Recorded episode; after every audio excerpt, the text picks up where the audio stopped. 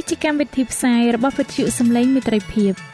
វិទ្យុសំឡេងមេត្រីភាពសូមស្វាគមន៍អស់លោកអ្នកស្ដាប់ទាំងអស់ជាទីមេត្រី នាងខ្ញុំសេកសុចិន្តាវតី ហើយខ្ញុំបាទអង្ចាន់វិជ្ជៈក៏សូមស្វាគមន៍លោកអ្នកស្ដាប់ទាំងអស់ផងដែរនៅពេលនេះយើងខ្ញុំមានសេចក្តីសុំមនស្សរីករាយដែលបានវិលមកជួបអស់លោកអ្នកនាងកញ្ញាអ្នកស្ដាប់សាជាថ្មីម្ដងទៀត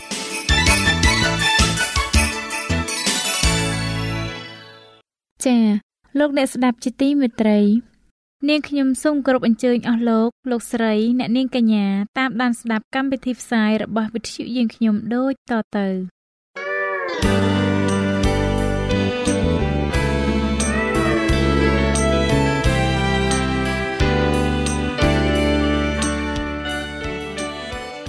ព្រះបន្ទូលសម្រាប់អ្នកនៅថ្ងៃនេះព្រះគម្ពីរអេពីសូតចំពុក5ខ3ដល់ខ6បានចែងថាឯសេចក្តីកំផិត សេចក្តីស្មោកគ្រោកគ្រប់យ៉ាង និងសេចក្តីលោភនោះមិនត្រូវទាំងឲ្យលើឈ្មោះក្នុងពួកអ្នករាល់គ្នាផង ដូចជាគូកបីក្នុងពួកបរិសុទ្ធព្រមទាំងរឿងគូខ្មាស់ពាក្យសម្ដីចំគួត និងពាក្យកំ pl ែងដែលសេចក្តីទាំងនោះមិនគួរគប្បីដែរស៊ូពោលតែពាក្យសម្រាប់អរប្រគុណវិញត្បិតអ្នករាល់គ្នាដឹងថាគ្មានមនុស្សកំផិត ឬស្មោកគ្រោកឬលោភគឺជាមនុស្សថ្វាយបង្គំរូបព្រះ ដែលនឹងគ្រងមរតកក្នុងនគរនៃព្រះគ្រីស្ទហើយនៃព្រះផងបានឡើយ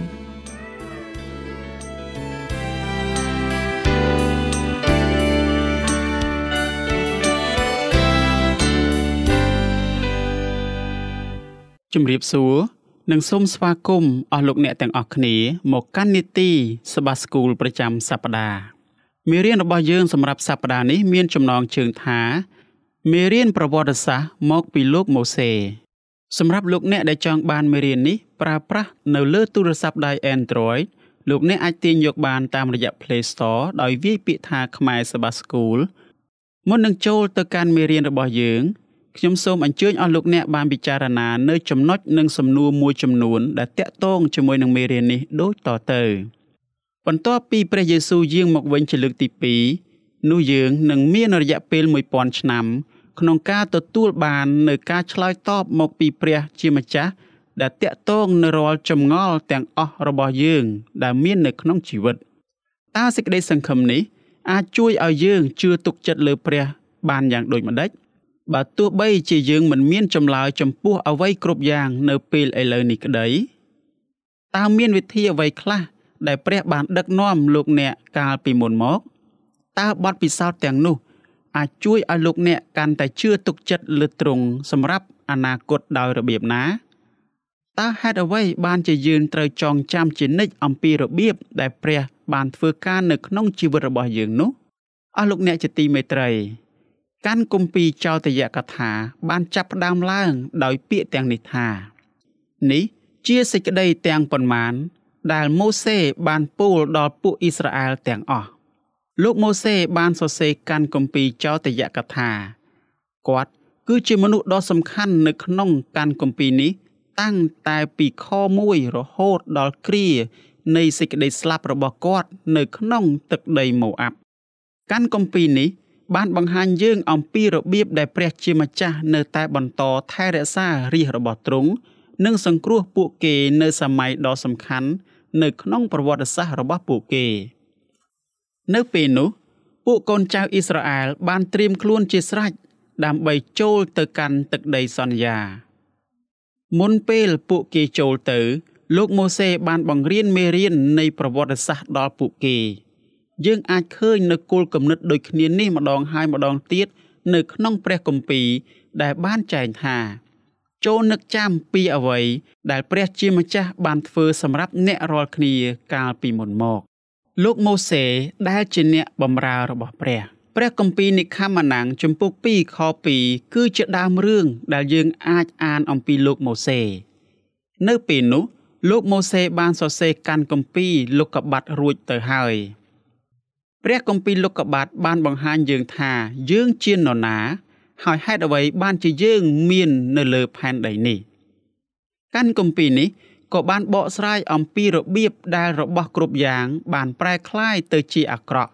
និងមូលហេតុដែលយើងនៅតែអាចមានសេចក្តីសង្ឃឹមផងដែរព្រះគម្ពីរលោកកបាត់បានបង្រៀនយើងអំពីគោលគំនិតសំខាន់សំខាន់និងមនុស្សដទៃទៀតជាច្រើនផងដែរដូចជា1របៀបដែលអំពើបាបបានចាប់ផ្ដើមឡើង2សេចក្តីសន្យាពីព្រះក្នុងការសង្គ្រោះមនុស្សលោក3 រឿងរ៉ាវនៃទឹកជំនន់4លោកអាប់រ៉ាហាំនិងទី5ដំណឹងល្អដែលព្រះយេស៊ូវនឹងសង្គ្រោះយើង លោកម៉ូសេមិនមានកំហុសនៃអំពើបាប ដែលបណ្ដាជនបានធ្វើនោះទេប៉ុន្តែទោះជាយ៉ាងនេះក្តីលោកម៉ូសេនៅតែទូលសូមឲ្យព្រះលើកលែងទោសដល់បណ្ដាជនដែរដោយដែលមានចែងនៅក្នុងព្រះគម្ពីរនិខាម៉ានាំងជំពូក32ខ32 លោកម៉ូសេថែមទាំងសុកចិត្តលះបង់ជីវិតរបស់លោក ដើម្បីសង្គ្រោះពួកគេទៀតផង លោកម៉ូសេដឹងថាអំពើបាបរបស់ពួកគេអាក្រក់ណាស់ព្រះគម្ពីរនិខាម៉ានាំងជំពូក32ខ32លោកម៉ូសេបានទូលទៅព្រះជំនួសពួកបណ្ដាជនថា សូមទ្រង់អត់ទោសចំពោះអំពើបាបរបស់គេផងកិរិយាសព្ទអត់ទោសមានន័យថាទទួលយក ឬទទួលខុសត្រូវជំនួស ដូច្នេះលោកម៉ូសេពិតជាបានទូលសូមឲ្យព្រះទ្រង់ផ្ទាល់ទទួលយកការដាក់ទោសសម្រាប់អំពើបាបនៃពួកបណ្ដាជន លោកម៉ូសេបានទូលសូមរឿងដ៏គួរឲ្យភ្ញាក់ផ្អើលជាទីបំផុត លោកម៉ូសេដឹងថាពួកបណ្ដាជនមិនអាចទទួលបានសេចក្តីសង្គ្រោះឡើយលុះត្រាតែព្រះទទួលនៅកំហុសរបស់ពួកគេសិនលោកម៉ូសេជាអ្នកអង្វរទៅព្រះជំនួសឲ្យពួកបណ្ដាជន ករណីនេះបង្ហាញយើងអំពីអ្វីដែលនឹងកើតឡើងនៅលើឈើឆ្កាងព្រះយេស៊ូវផ្ទាល់នឹងយាងមកទទួលយកអំពើបាបជំនួសយើងគ្រប់គ្នា ដើម្បីឲ្យយើងបាននៅសេចក្តីសង្គ្រោះលោកពេត្រុសដែលជាអ្នកចំនួនក្រោយ បន្ទាប់ពីលោកម៉ូសេបានសរសេរនៅក្នុងព្រះគម្ពីរពេត្រុសខ្សែទី1ចំពុក2ខ24ថាទ្រង់បានផ្ទុកអំពើបាបរបស់យើងរាល់គ្នា ទៅលើរូបអង្គទ្រង់ ជាប់លើឈើឆ្កាង ដើម្បីឲ្យយើងបានរស់ខាងឯសេចក្តីសុចរិត ដោយបានស្លាប់ខាងឯអំពើបាបហើយ គឺដោយស្នាមជាំរបស់ទ្រង់ដែលអ្នករាល់គ្នាបានជាព្រះរក្សាសេចក្តីសន្យារបស់ទ្រង់ឲ្យទាន់ពេលវេលាអស់លោកអ្នកជាទីមេត្រី វិទ្យាសាស្ត្រនៅសម័យទំនើបនេះ មានកំហុសជាច្រើន ការវិវត្តនិយមគឺជាឧទាហរណ៍មួយនៅក្នុងកំហុសឆ្គងជាច្រើននោះ ការវិវត្តនិយមបានបង្រៀនថាភាវៈនៅលើផែនដីបានចាប់ផ្ដើម ដោយសារការប្រែប្រួល បន្តិចម្ដង បន្តិចម្ដង នៅក្នុងរុក្ខជាតិនិងសត្វក្នុងរយៈពេលដ៏យូរអង្វែងវិទ្យាសាស្ត្រនៅសម័យដ៏ទំនើបនេះក៏បង្រៀនដែរថាជីវិតបានចាប់ផ្ដើមឡើងដោយការចៃដន្យប៉ុន្តែព្រះគម្ពីរបង្ហាញយើងយ៉ាងច្បាស់ថាគោលគំនិតទាំងនេះគឺខុសទាំងស្រុង វិទ្យាសាស្ត្រសម័យទំនើបអាចជួយឲ្យយើងយល់នៅរឿងដ៏គួរឲ្យភ្ញាក់ផ្អើលនិងការអស្ចារ្យជាច្រើនពីធម្មជាតិរឿងទាំងនោះអាចជួយឲ្យយើងយល់កាន់តែច្បាស់អំពីព្រះ ដែលជាអ្នកបង្កើតអ្វីអ្វីគ្រប់យ៉ាង ការរកឃើញនៃវិទ្យាសាស្ត្រសម័យនេះ អាចជួយឲ្យយើងមើលឃើញថា ព្រះបានបង្កើតរបស់សពសារពើយ៉ាងប្រុងប្រយ័ត្នជាទីបំផុត សូមចងចាំអំពីករណីដែលលោកម៉ូសេបានបញ្ជូនអ្នកស៊ើបការឲ្យទៅពិនិត្យមើលទឹកដីសន្យាតើមានរឿងអ្វីកើតឡើងបន្ទាប់មកទៀតគឺពួកបណ្ដាជនបានបដិសេធមិនជឿទុកចិត្តលើព្រះឡើយពួកគេមិនបានធ្វើតាមសេចក្តីបង្គាប់របស់ទ្រង់ក្នុងការវាយដណ្ដើមយកទឹកដីសន្យានោះឡើយម្ល៉េះហើយ ព្រះបាន មានបន្ទូលទៅកាន់ពួកគេថា ពួកគេនឹងមិនអាចចូលទៅក្នុងទឹកដីសន្យាភ្លាមភ្លាមបានឡើយ គឺពួកគេត្រូវតែរងចាំតើពួកគេត្រូវរងចាំយូរប៉ុណ្ណាទៅព្រះគម្ពីរជនកណនីចំពុក14ខ34បានចែងថាឯងរាល់គ្នានឹងត្រូវទ្រាំទ្រចំពោះសេចក្តីទុច្ចរិតរបស់ឯងអស់40ឆ្នាំ តាមចំនួនថ្ងៃដែលបានដើរសង្កេតមើលក្នុងស្រុកនោះ គឺជា40ថ្ងៃ ក្នុងមួយថ្ងៃទុកជាមួយឆ្នាំ នោះឯងរាល់គ្នានឹងស្គាល់សន្តាន ដែលឥតពីអញទៅជាយ៉ាងណាអស់លោកអ្នកជាទីមេត្រី ដូច្នេះកាន់គម្ពីរចោទយកថា បានចាប់ផ្ដើម40ឆ្នាំ បន្ទាប់ពីពេលនោះមក បន្ទាប់ពី40ឆ្នាំនោះមក ពួកគេអាចចូលទៅក្នុងទឹកដីសន្យាបានហើយតើរឿងនេះបង្ហាញយើងយ៉ាងដូចម្ដេច គឺយើងអាចជឿទុកចិត្តលើសេចក្តីសន្យារបស់ព្រះបានទាំងស្រុងព្រះនឹងធ្វើតាមអ្វីដែលទ្រង់បានមានបន្ទូលថាទ្រង់នឹងធ្វើតើមានសេចក្តីសន្យាណាផ្សេងទៀតនៅក្នុងព្រះគម្ពីរដែលបានកើតឡើងនៅពេលដែលព្រះមានបន្ទូលថារឿងទាំងនោះនឹងត្រូវកើតឡើងដែរឬទេ គឺពិតជាមានឧទាហរណ៍ដូចជានៅក្នុងព្រះគម្ពីរដានីយ៉ែលនិងព្រះគម្ពីរវិវរណៈជាដើមរហូតមកដល់ពេលនេះ សារនៃពេលវេលាដ៏ពិសេសនៅក្នុងបទគម្ពីរដានីយ៉ែលជំពូក2ជំពូក7និងជំពូក8បានកើតឡើងយ៉ាងពិតប្រាកដតាមអ្វីដែលព្រះបានមានបន្ទូលមក សារនៃពេលវេលាទាំងនេះបានបង្ហាញយើងថាព្រះទ្រង់ជ្រាបអំពីអនាគតដូច្នេះយើងអាចជឿទុកចិត្តបានថាព្រះគឺជាអ្នកគ្រប់គ្រងពេលវេលា1000ដងបន្ថែមទៀត ជនជាតិអ៊ីស្រាអែលបានធ្វើដំណើរនៅក្នុងទីរហោស្ថានអស់រយៈពេលជាយូរបន្ទាប់មកលោកម៉ូសេបានបង្គាប់ពួកបណ្ដាជន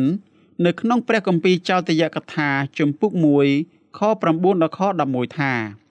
មើលអញបានប្រគល់ស្រុកនោះឲ្យដល់ឯងរាល់គ្នា ដូច្នេះឲ្យចូលទៅទទួលយកស្រុកដែលព្រះយេហូវ៉ាបានស្បត់ថានឹងឲ្យដល់ពួកអាយកោឯងរាល់គ្នាចុះ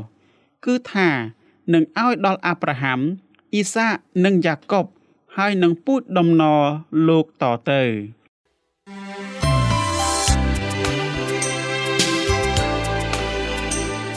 សេចក្តីជំនឿកើតឡើងដោយលឺហើយដែលលឺនោះគឺដោយសារព្រះបន្ទូលនៃព្រះ តាមរយៈវិទ្យុសំឡេងមិត្តភាព AWR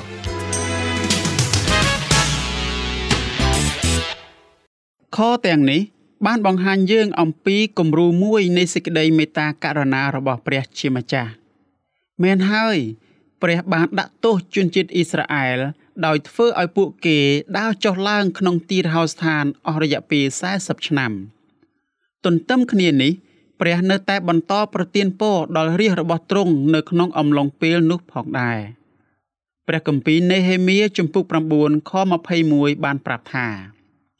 ទ្រង់បានចិញ្ចឹមគេ នៅទីរហោស្ថានអស់40ឆ្នាំ គេឥតមានខ្វះខាតអ្វីឡើយសម្លៀកបំពាក់របស់គេក៏មិនដែលសឹកហើយជើងគេក៏មិនពុពងដែរបន្ទាប់មក លោកម៉ូសេបានបង្ហាញសេចក្តីស្រឡាញ់ដ៏ជ្រាលជ្រៅចំពោះសាសរបស់គាត់គាត់បានទូលសូមដល់ព្រះឲ្យចម្រើនមនុស្សទៅក្នុងសាសអ៊ីស្រាអែល1000ដងបន្ថែមទៀតលើសពីចំនួនមនុស្សដែលទ្រង់មាន ព្រះបានគង់នៅជាមួយនឹងរាជរបស់ទ្រង់តាមរបៀបដ៏ពោពេញទៅដោយអំណាចទន្ទឹមនឹងគ្នានេះ ពួកបណ្ដាជនក៏ត្រូវការការដឹកនាំពីមនុស្សដ៏ល្អម្នាក់ផងដែរពួកគេត្រូវការមេដឹកនាំដែលអាចវិនិច្ឆ័យរឿងក្តីតាមរបៀបដ៏យុត្តិធម៌និងឆ្លៀសវៃក្នុងការដោះស្រាយបញ្ហានានាលោកម៉ូសេបានទូលនៅពាក្យជាច្រើនទៅកាន់ព្រះថា ប្រសិនបើទ្រង់បំផ្លាញរាជរបស់ទ្រង់តើសាសអេស៊ីបនិងសាសដតីគិតយ៉ាងដូចម្ដេចអំពីទ្រង់គោលគំនិតនេះសំខាន់ជាទីបំផុត គ្រប់យ៉ាងដែលព្រះបានធ្វើសម្រាប់សាសអ៊ីស្រាអែលមិនមែនគ្រាន់តែសម្រាប់សាសអ៊ីស្រាអែលប៉ុណ្ណោះនោះទេព្រះចង់ប្រទានពរដល់មនុស្សលោកគ្រប់ទីកន្លែងទាំងអស់ដោយសារផែនការរបស់ទ្រង់តាមរយៈសាសអ៊ីស្រាអែលនេះ ព្រះបានជ្រើសរើសសាសអ៊ីស្រាអែលឲ្យបង្ហាញអំពីសេចក្តីស្រឡាញ់របស់ទ្រង់ទៅកាន់អ្នកដទៃព្រះចង់ឲ្យសាសអ៊ីស្រាអែលជួយមនុស្សលោកឲ្យងាកចេញពីព្រះคล้ายคล้ายរបស់ពួកគេនិងងាកបែរមករកព្រះតែមួយអង្គគត់ដែលអាចសង្គ្រោះដល់ពួកគេបាននេះគឺជាមូលហេតុដែលលោកម៉ូសេបានមានប្រសាសន៍ថា ប្រសិនបើទ្រង់បំផ្លាញមនុស្សទាំងនេះតើនឹងមានអ្វីកើតឡើង មនុស្សទាំងអស់ ពីសាសដតីនឹងនិយាយថាព្រះយេហូវ៉ាមិនអាចនឹងនាំពួកនោះចូលទៅក្នុងស្រុកដែលទ្រង់បានស្បត់ថានឹងឲ្យទៅគេ នោះបានជាទ្រង់ត្រឡប់ជាសម្លាប់គេ នៅក្នុងទីរហោស្ថានវិញដោយតែមានចែងនៅក្នុងព្រះគម្ពីរជនកណនីជំពូក14ខ16ព្រះគម្ពីរបានបង្ហាញម្ដងហើយម្ដងទៀតថារាជរបស់ព្រះនឹងថ្វាយស្រីល្អដល់ទ្រង់ ព្រះបានជ្រើសរើសសាសអ៊ីស្រាអែលនៅក្នុងសម័យព្រះគម្ពីរដើម្បីឲ្យធ្វើកិច្ចការដ៏សំខាន់នេះ ទន្ទឹមគ្នានេះព្រះបានជ្រើសរើសពួកជំនុំដើម្បីបង្ហាញអំពីសេចក្តីស្រឡាញ់របស់ទ្រង់ទៅកាន់អ្នកដទៃនៅលើផែនដីនៅសពថ្ងៃនេះដែរព្រះបានធ្វើកិច្ចការនៅក្នុងជីវិតរាជរបស់ទ្រង់ដើម្បីបង្ហាញដល់អ្នកដទៃថាទ្រង់ជាអ្នកណា ជាការពិតណាស់យើងតែងតែ មិនបង្កភាពងាយស្រួលដល់ព្រះជាម្ចាស់ដើម្បីឲ្យទ្រង់ធ្វើកិច្ចការរបស់ទ្រង់នោះទេប៉ុន្តែនៅទីបញ្ចប់កិច្ចការរបស់ព្រះ នៅក្នុងពួកជំនុំរបស់ទ្រង់នឹងបង្ហាញអំពីស្រីល្អរបស់ទ្រង់ជាក់ជាមិនខានអំពើបាបរបស់សាសអាម៉ូរី នៅក្នុងព្រះគម្ពីរចោទយកថា ជំពូក2និងជំពូក3 លោកម៉ូសេបានប្រាប់ជនជាតិអ៊ីស្រាអែលបន្ថែមទៀតអំពីប្រវត្តិសាស្ត្ររបស់ពួកគេ លោកម៉ូសេបានប្រាប់អំពីរបៀបដែលព្រះបានជួយឲ្យជនជាតិអ៊ីស្រាអែលច្បាំងឈ្នះខ្មាំងសត្រូវរបស់ពួកគេ នៅពេលដែលសាសអ៊ីស្រាអែលស្មោះត្រង់ចំពោះព្រះជាម្ចាស់ព្រះក៏បានជួយឲ្យរាជរបស់ទ្រង់បំផ្លាញពួកយក្សដែលជាសាសអេមីមផងដែរលោកអ្នកអាចអានបន្ថែមអំពីរឿងនេះនៅក្នុងព្រះគម្ពីរចោទយកថា ជំពូក2ខ11ខ20និងព្រះគម្ពីរចោទយកថាជំពូក3ខ13ខទាំងនេះបាននាំយកប្រធានបទដ៏ពិបាកមួយ ដល់ការចាប់អារម្មណ៍របស់យើង នោះគឺជាការសម្លាប់មែនហើយជនជាតិអ៊ីស្រាអែលតែងតែព្យាយាមបង្កើតមិត្តភាព និងសន្តិភាពជាមួយនឹងសាសដតីមុនពេលដែលពួកគេច្បាំងនឹងសាសទាំងនោះ ដោយដែលមានចែងនៅក្នុងព្រះគម្ពីរចោទយកថាជំពូក20ខ10និងខ11ជាដើមប៉ុន្តែមនុស្សពីសាសដតីតែងតែមិនព្រមទទួលយកសន្តិភាព និងមិត្តភាពពីសាសអ៊ីស្រាអែលនោះទេដូច្នេះពេលខ្លះជនជាតិអ៊ីស្រាអែលត្រូវតែឡើងទៅច្បាំងនិងបំផ្លាញពួកមនុស្សទាំងនេះរួមទាំងស្ត្រីនិងកូនក្មេងផងដែរលោកម៉ូសេបានប្រាប់អំពីរបៀបដែលសាសអ៊ីស្រាអែល បានធ្វើរឿងដូចនេះទៅកាន់ស្ដេចស៊ីហ៊ុនថាព្រះយេហូវ៉ាជាព្រះនៃយើងរាល់គ្នាទ្រង់បានប្រគល់ស្ដេចមកយើង ហើយយើងរាល់គ្នានឹងវាយទ្រង់និងពួកកូនចៅទ្រង់ព្រមទាំងរាជទាំងអស់គ្នាទៅ យើងក៏ចាប់យកអស់ទាំងទីក្រុងរបស់ទ្រង់នៅគ្រានោះ ទាំងរំលីងគ្រប់ទីក្រុងទាំងមូលព្រមទាំងមនុស្សប្រុសស្រីនិងកូនក្មេងផងគ្មានទុកណាមួយឲ្យនៅសល់ឡើយ ដោយដែលមានចែងនៅក្នុងព្រះគម្ពីរចោទយកថាជំពូក2ខ33និងខ34មានមនុស្សខ្លះពិបាកក្នុងការទទួលយកនៅការសម្លាប់នៅក្នុងព្រះគម្ពីរណាស់ដូច្នេះពួកគេនិយាយថារឿងនេះមិនមែនជារឿងពិតនោះទេ នៅក្នុងនាមជាក្រុមជំនុំ Seven Day Adventist យើងមិនអាចទទួលយកចម្លើយបែបនេះបានឡើយ ពួកយើងជឿថា គ្រប់ទាំងបទគម្ពីរគឺជាព្រះទ្រង់បញ្ចេញព្រះវិញ្ញាណបណ្ដាលឲ្យតែងទេ ព្រះគម្ពីរធីម៉ូថេខ្សែទី2ជំពូក3ខ16ដូច្នេះយើងជឿថារឿងទាំងនេះ នៅក្នុងព្រះគម្ពីរពិតជាបានកើតឡើងមែនដោយសារតែយើងជឿទៅលើរឿងទាំងនេះ យើងបានប្រឈមមុខនឹងសំណួរដ៏ពិបាកដែលចោទសួរថាតើហេតុអ្វីបានជាព្រះនៃសេចក្តីស្រឡាញ់ អនុញ្ញាតឲ្យមានការកាប់សម្លាប់បែបនេះកើតឡើងអស់លោកអ្នកជាទីមេត្រី មនុស្សជាច្រើននៅជុំវិញសាសអ៊ីស្រាអែលអាក្រក់ជាទីបំផុត ព្រះមានសិទ្ធិក្នុងការដាក់ទោសពួកគេមុនពេលកំណត់ទោះបីជាយ៉ាងនេះក្តី យើងនៅតែមានការលំបាកក្នុងការអានអំពី ដែលសាសអ៊ីស្រាអែលសម្លាប់ស្ត្រីនិងកូនក្មេងទៅវិញ យើងត្រូវតែចងចាំថា យើងមិនមានព័ត៌មានទាំងអស់អំពីអ្វីដែលបានកើតឡើងនៅពេលនោះឡើយដូច្នេះហើយ យើងត្រូវតែទទួលយករឿងដ៏លំបាកនេះ ហើយជឿទុកចិត្តទៅលើសេចក្តីមេត្តារបស់ព្រះជាម្ចាស់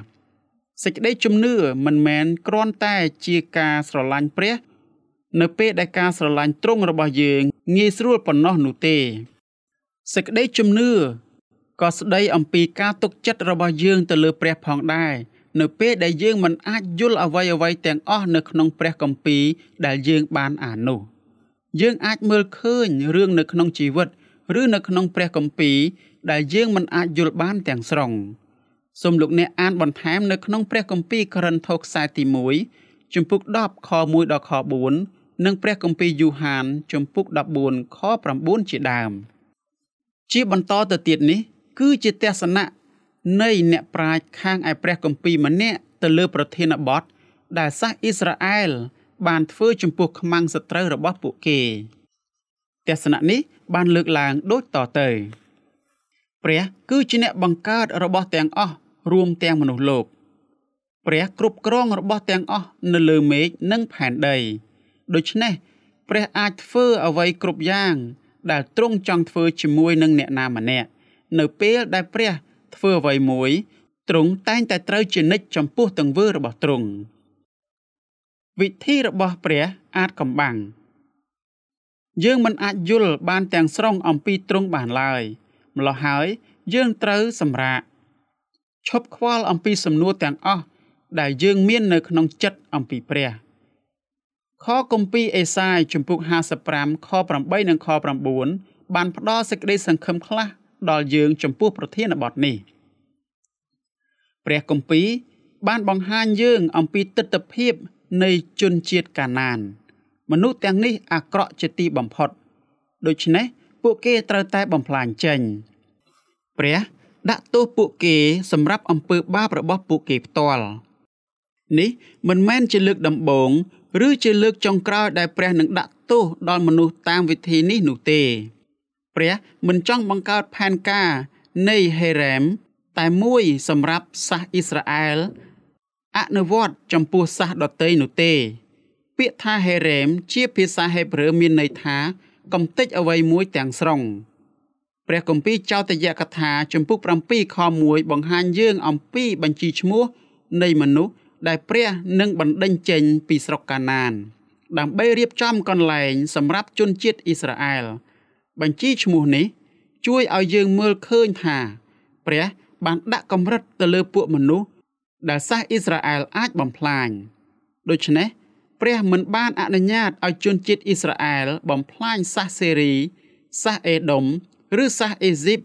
ឬសាសផ្សេងទៀតនោះទេសូមអានបន្ថែមនៅក្នុងព្រះគម្ពីរចោទយកថាជំពូក20ខ10ដល់ខ18សាសកាណាន ត្រូវបានព្រះជំនុំជម្រះទន្ទឹមនឹងគ្នានេះ បាបជនក៏នឹងត្រូវឈរនៅចំពោះព្រះនិងត្រូវជំនុំជម្រះដូចគ្នាផងដែរមែនហើយ ព្រះបានជំនុំជម្រះសាសកាណានប៉ុន្តែសូមចាំថាសាសកាណានត្រូវបានដាស់តឿនអស់រយៈពេលជិត40ឆ្នាំរួចទៅហើយអំពីអ្វីដែលនឹងកើតឡើងនាពេលអនាគតសូមលោកអ្នកអានបន្ថែម អំពីសម្ដីរបស់នាងរេហាបនៅក្នុងព្រះគម្ពីរយូស្វេជំពូក2ខ8ដល់ខ11អស់លោកអ្នកជាទីមេត្រីខព្រះគម្ពីរដ៏សំខាន់សម្រាប់មេរៀននៅសប្តាហ៍នេះគឺព្រះគម្ពីរកូរិនថូសខ្សែទី1ជំពូក10ខ3ដល់ខ4ដែលបានចែងថា គ្រប់គ្នាបានបរិភោគចំណីអាហារដដែលខាងប្រលឹងវិញ្ញាណហើយគ្រប់គ្នាបានផឹកទឹកដដែលខាងប្រលឹងវិញ្ញាណដែរ ត្បិតបានផឹកទឹកពីថ្មដាខាងប្រលឹងវិញ្ញាណដែលតាមគេឯថ្មដានោះគឺជាព្រះគ្រីស្ទអរលោកអ្នកជាទីមេត្រីសូមឲ្យអត្ថន័យនៃមេរៀននេះបានជាព្រះពរដល់អស់លោកអ្នកគ្រប់គ្រប់គ្នាក្នុងការចម្រើនសេចក្តីជំនឿនិងការទុកចិត្តលើព្រះជាម្ចាស់យើងនឹងវិលមកជួបអស់លោកអ្នកវិញនៅមេរៀនសប្តាហ៍ក្រោយ សូមអរគុណ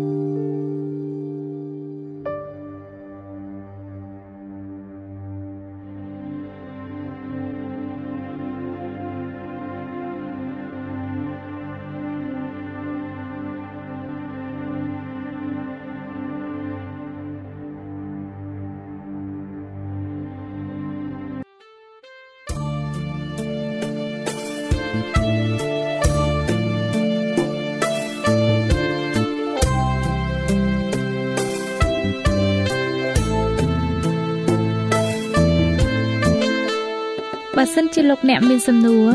ឬសំណុំពរអ្វីសូមតាក់ទងមកការិយាល័យវិទ្យុយើងខ្ញុំ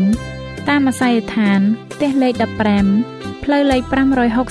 568សង្កាត់បឹងកក់2ខណ្ឌទួលគោករាជធានីភ្នំពេញ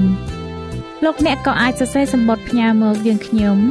តាមរយៈប្រអប់សម្បត្តិលេខ488ភ្នំពេញឬតាមទូរស័ព្ទលេខ012 34 96 64ឬ097 80 81 060ឬក៏តាមរយៈអ៊ីមែល vol@awr.org យើងខ្ញុំរងចាំទទួលស្វាគមន៍អស់លោកអ្នកនាងដោយក្តីសោមនស្សរីករាយហើយលោកអ្នកក៏អាចស្ដាប់កម្មវិធីនេះឡើងវិញដោយចូលទៅកាន់ website របស់វិទ្យុយើងខ្ញុំ តាមរយៈអាស័យដ្ឋាន www.awr.org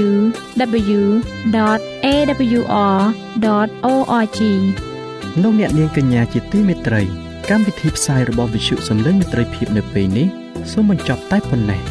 យើងខ្ញុំសូមអរគុណចំពោះការតាមដានស្ដាប់របស់អស់លោកអ្នកតាំងពីដើមរហូតដល់ចប់យើងខ្ញុំសូមជូនពរឲ្យអស់លោកអ្នកនាងកញ្ញាទាំងអស់បានចម្រើនឡើងក្នុងព្រះគុណព្រះអង្គម្ចាស់ ហើយក្នុងការទទួលយកព្រះយេស៊ូវគ្រីស្ទជាព្រះអង្គម្ចាស់និងជាព្រះអង្គសង្គ្រោះនៃយើងរាល់គ្នា